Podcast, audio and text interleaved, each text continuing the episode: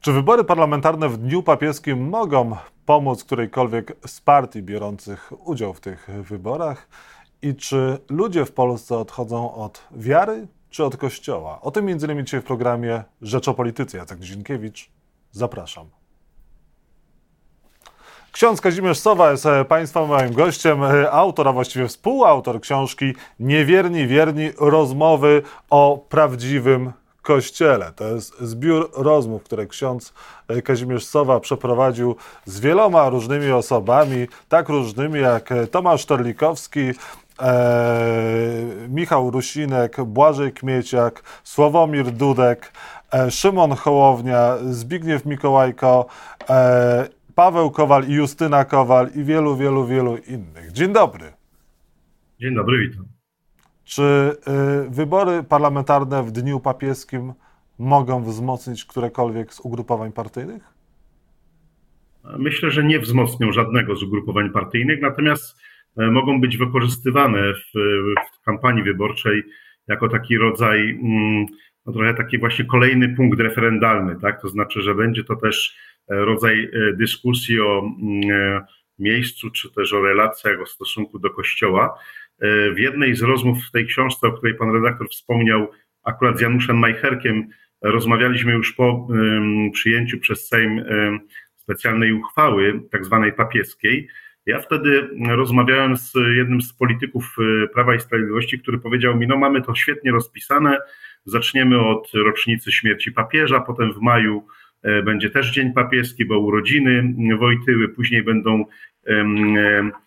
w różnego rodzaju um, spotkania w miastach papieskich, które papież w czerwcu i w sierpniu zwykł e, podczas swoich pielgrzymek odwiedzać, a wszystko zwieńczymy e, Dniem Papieskim i wyborami. I wtedy sobie pomyślałem, no to jest jakiś e, przebiegły plan wykorzystania, zaprzągnięcia troszeczkę też tematyki religijnej, kościelnej i papieskiej do kampanii politycznej, do kampanii wyborczej.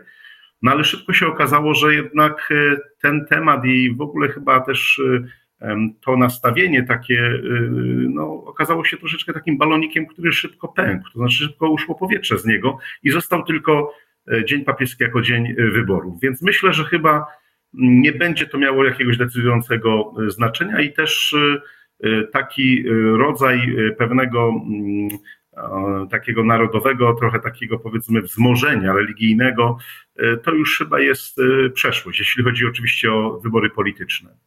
E, wielu tutaj ciekawych rozmów jest nie tylko z Januszem Majcherkiem, są rozmowy m.in. na temat konkordatu, jakie umowy powinny być podpisane między państwem a Kościołem. Jest też rozmowa z Szymonem Hołownią, który zdaje się mówi o tym, że to ludzie w Polsce dzisiaj odchodzą bardziej od Kościoła, a nie od wiary. Jak to wygląda w rzeczywistości? Próbujemy też e, spojrzeć na to od strony badań e, socjologicznych E, takie badania są prowadzone nie tylko przez ośrodki badawcze, jak na przykład bardzo ciekawy raport pokazujący zmianę religijności Polski i Polaków prowadzony przez CEBOS od początku lat 90. To jeszcze za czasów pani profesor Grabowskiej chyba tam się ukazało taki rodzaj podsumowania, zestawienia, ale też na przykład sam Kościół prowadzi taki, takie badania E, dotyczące e, zmian w, w relacjach e, religia, wiara, zmiany też mentalności religijnej Polaków i Jakub Kiersnowski, który jest szefem Klubu Inteligencji Katolickiej w Warszawie, na zlecenie czy we współpracy z archidiecezją warszawską, ale także kilkoma innymi archidiecezjami w Polsce prowadził, prowadzili badania dotyczące tego, jak dzisiaj sami Y, katolicy się określają. I tam jest bardzo ciekawa, taka powiedziałbym, typografia kilku grup, że są to ludzie, którzy e, często deklarują wciąż przywiązanie do wiary, ale mają na przykład problem z określeniem się, z identyfikacją y, z, z Kościołem, rozumianym jako na przykład e, hierarchia kościelna, albo na przykład trochę inaczej niż było to kiedyś, e, rozumią, pojmują swoje obowiązki czy wymagania, które E, człowiek e, wierzący powinien także spełniać e, w sensie zewnętrznym, to znaczy praktyki religijne, kwestia podejścia do różnych zagadnień etycznych, moralnych. I to jest o tyle ciekawe, że to pokazuje, że się zmieniła sytuacja w tym kierunku, że dzisiaj ludzie bardziej traktują swoją wiarę osobiście i bardziej traktują ją także w pewnym sensie prywatnie, a odchodzą od czegoś, co bym nazwał takim rodzajem religijności, rytuału i obowiązku. Czy to jest dobre, czy złe? Wydaje mi się, że może mieć bardzo dobre skutki w tym sensie, że ono pobudza do głębszej refleksji, czy wierzę i dlaczego wierzę i w co wierzę, ale z drugiej strony też oczywiście powiedzmy sobie szczerze, to powoduje, że e, musimy się rozstać z myśleniem o Kościele w Polsce jako e, Kościele masowym, e, wielkim i też Kościele bezdyskusyjnym. Tutaj ciekawym zjawiskiem były debaty czy też powiedzmy przygotowania dotyczące synodu, który będzie miał miejsce w październiku tego roku w Watykanie, e, a który w tamtym roku odbył się w diecezjach na całym świecie, także i w Polsce. I każda diecezja miała przygotować rodzaj takiego syntezy synodalnej, czyli takiego raportu, jak wyglądają te węzłowe jakby problemy, zagadnienia z punktu widzenia danego kościoła lokalnego.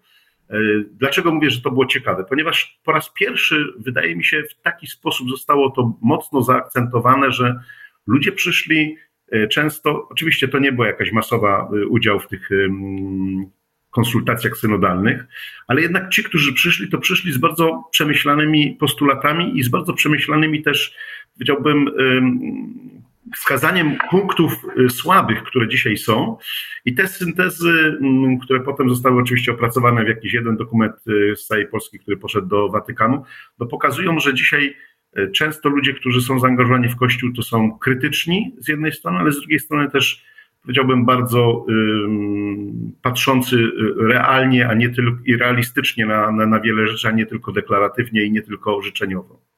Czy Kościół odegra ważną rolę w wyborach parlamentarnych? No mam nadzieję, że nie będzie się w ogóle angażował w wybory parlamentarne. E, jeden z rozdziałów e, książki e, Niewierni Wierni nosi tytuł Czy Kościół jest pod wezwaniem prawa i sprawiedliwości? Odpowiadając na to pytanie, jakby ksiądz odpowiedział? Tak, to jest rozmowa, w której trochę z Tomkiem Terlikowskim przyglądamy się temu, co się wydarzyło od 2015 roku i takim swoistym zawłaszczeniu Kościoła, ale przy dużym udziale też e, przy akceptacji części biskupów i, i duchownych, e, że Kościół stał się, utożsamił się e, z partią rządzącą. Wydaje mi się, że oczywiście to, to, jest teza publicystyczna, jeśli byśmy powiedzieli, że cały Kościół. I ona jest bardzo łatwa do weryfikacji w tym sensie, że powiemy, no jak to całe, przecież mamy też e, środowiska i, i, i, i ludzi w Kościele, którzy, przede wszystkim samych świeckich, którzy deklarują inne poglądy niż e, właśnie tożsame z partią rządzącą, ale nie da się ukryć, że w tym wymiarze takim powiedziałbym trochę symbolicznym i zewnętrznym, E, katolik w Polsce może mieć wrażenie, że jego mm, hierarchia kościelna sprzyja e, Prawu i Sprawiedliwości. To trochę się teraz zmienia, ponieważ no, idzie przykład z góry. Najpierw mieliśmy 3 maja, przy okazji 3 maja stanowisko e, prezydium i Rady Stałej Episkopatu, które powiedzmy sobie tak no bardzo ogólnie, ale jednak też dosyć wyraźnie przestrzegało przed angażowaniem się w kwestie mm, e, polityczne, wyborcze i takiej rozgrywki doraźnej. No i mamy też kilka ciekawych głosów, e, jak choćby ostatnio wywiad dla papu kardynała nominata Grzegorza Rysia, który bardzo wyraźnie też przestrzega samych duchownych przed otwartym i jednostronnym, czy w ogóle zaangażowaniem się w jakieś rozgrywki polityczne.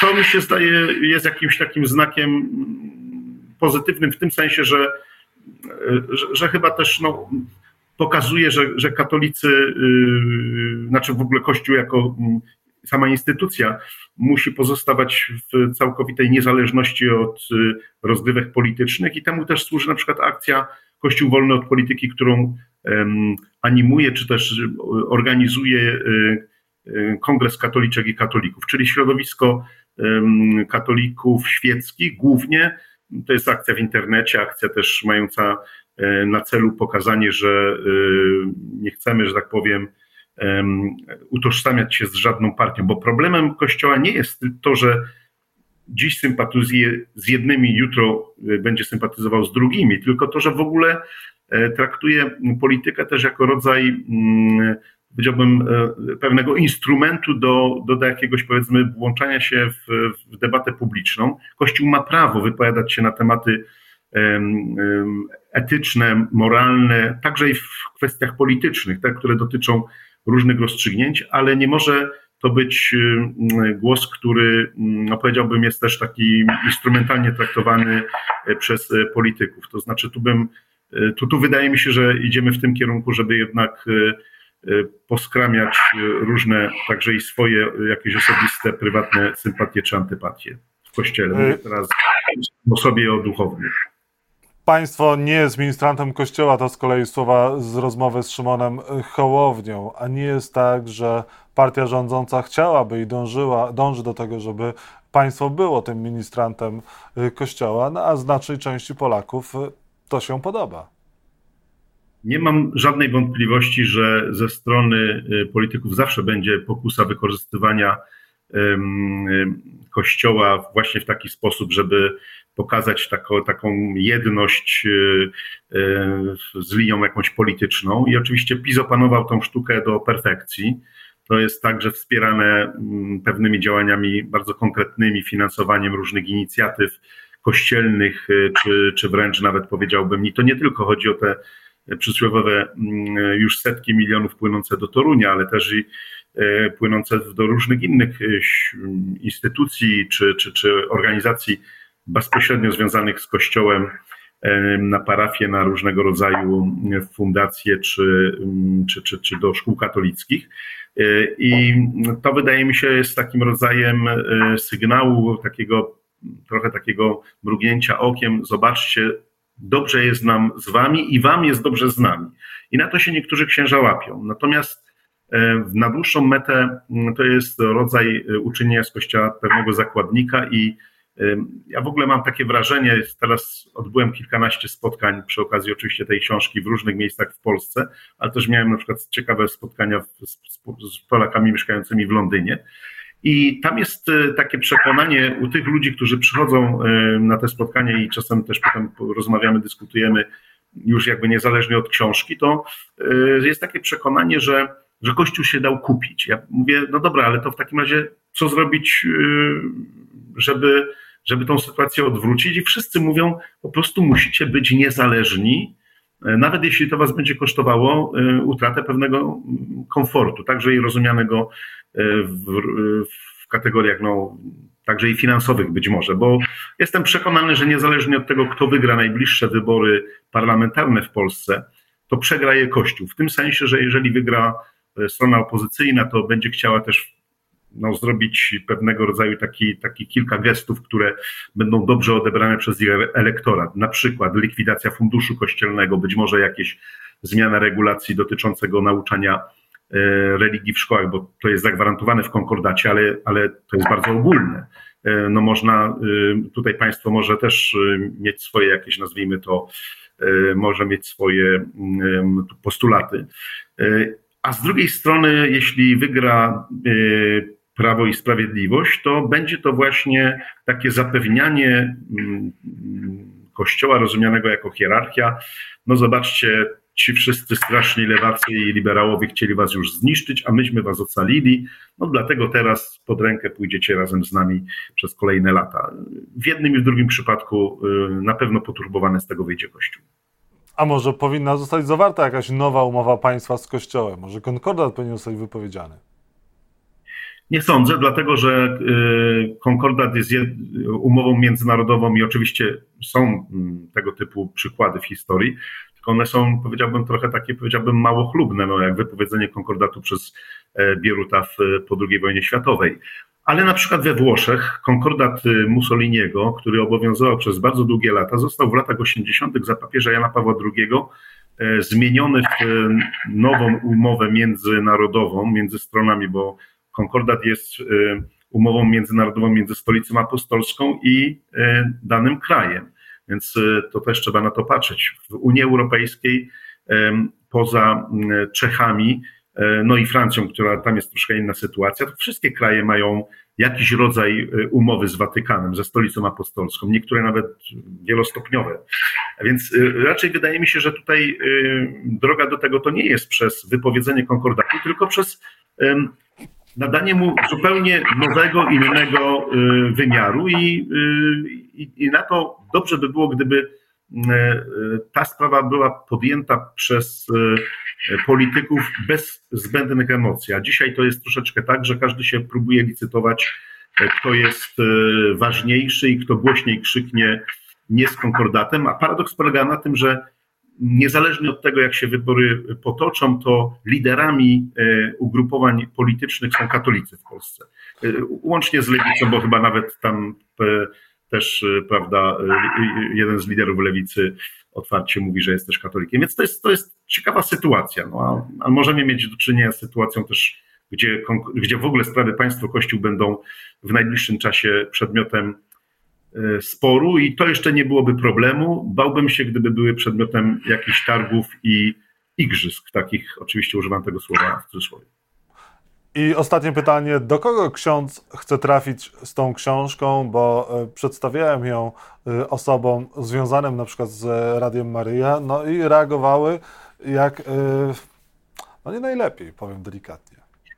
Byłem zaskoczony, że y, generalnie y, książka jakoś niespecjalnie została zauważona w mediach, w ogóle mediach katolickich. To nie tylko Radio Maryja, ale i Tygodnik Powszechny czy Gość Niedzielny jakoś niespecjalnie. Znaczy w ogóle mówiąc wprost, nie wzbudziła u nich zainteresowania. Natomiast e, ludzie, którzy przychodzą i z którymi rozmawiam, którzy są największą grupą odbiorców tej publikacji, to są ludzie, którzy często mówią o świetnie, że ksiądz prowadził te rozmowy i napisał tą książkę, bo one nas utrzymują w przekonaniu, że my nie możemy się dać wypchnąć z kościoła, pomimo tego, że czasem mamy mniej lub bardziej krytyczny ogląd wielu spraw w kościele. I to jest bardzo ciekawa grupa, ponieważ e, wydaje mi się, że to są ludzie, którzy w jakiś sposób podjęli też taką osobiste zaangażowanie i nawet być może jakąś, jakiś rodzaj walki o to, żeby mieć swoje miejsce dalej w kościele, mimo tego, że im się wiele rzeczy nie podoba, ale zmieniać to, a nie mówić, to mnie już nie interesuje. I to jest moja grupa e, moich czytelników i, i, i wydaje mi się, że ta książka akurat do nich e, trafiła i w dobrym czasie i w dobrym miejscu. Ksiądz Kazimierz Sowa, współautor książki Niewierni, Wierni. Zapraszamy do lektury. Był Państwa moim gościem. Bardzo dziękuję za rozmowę. Dziękuję.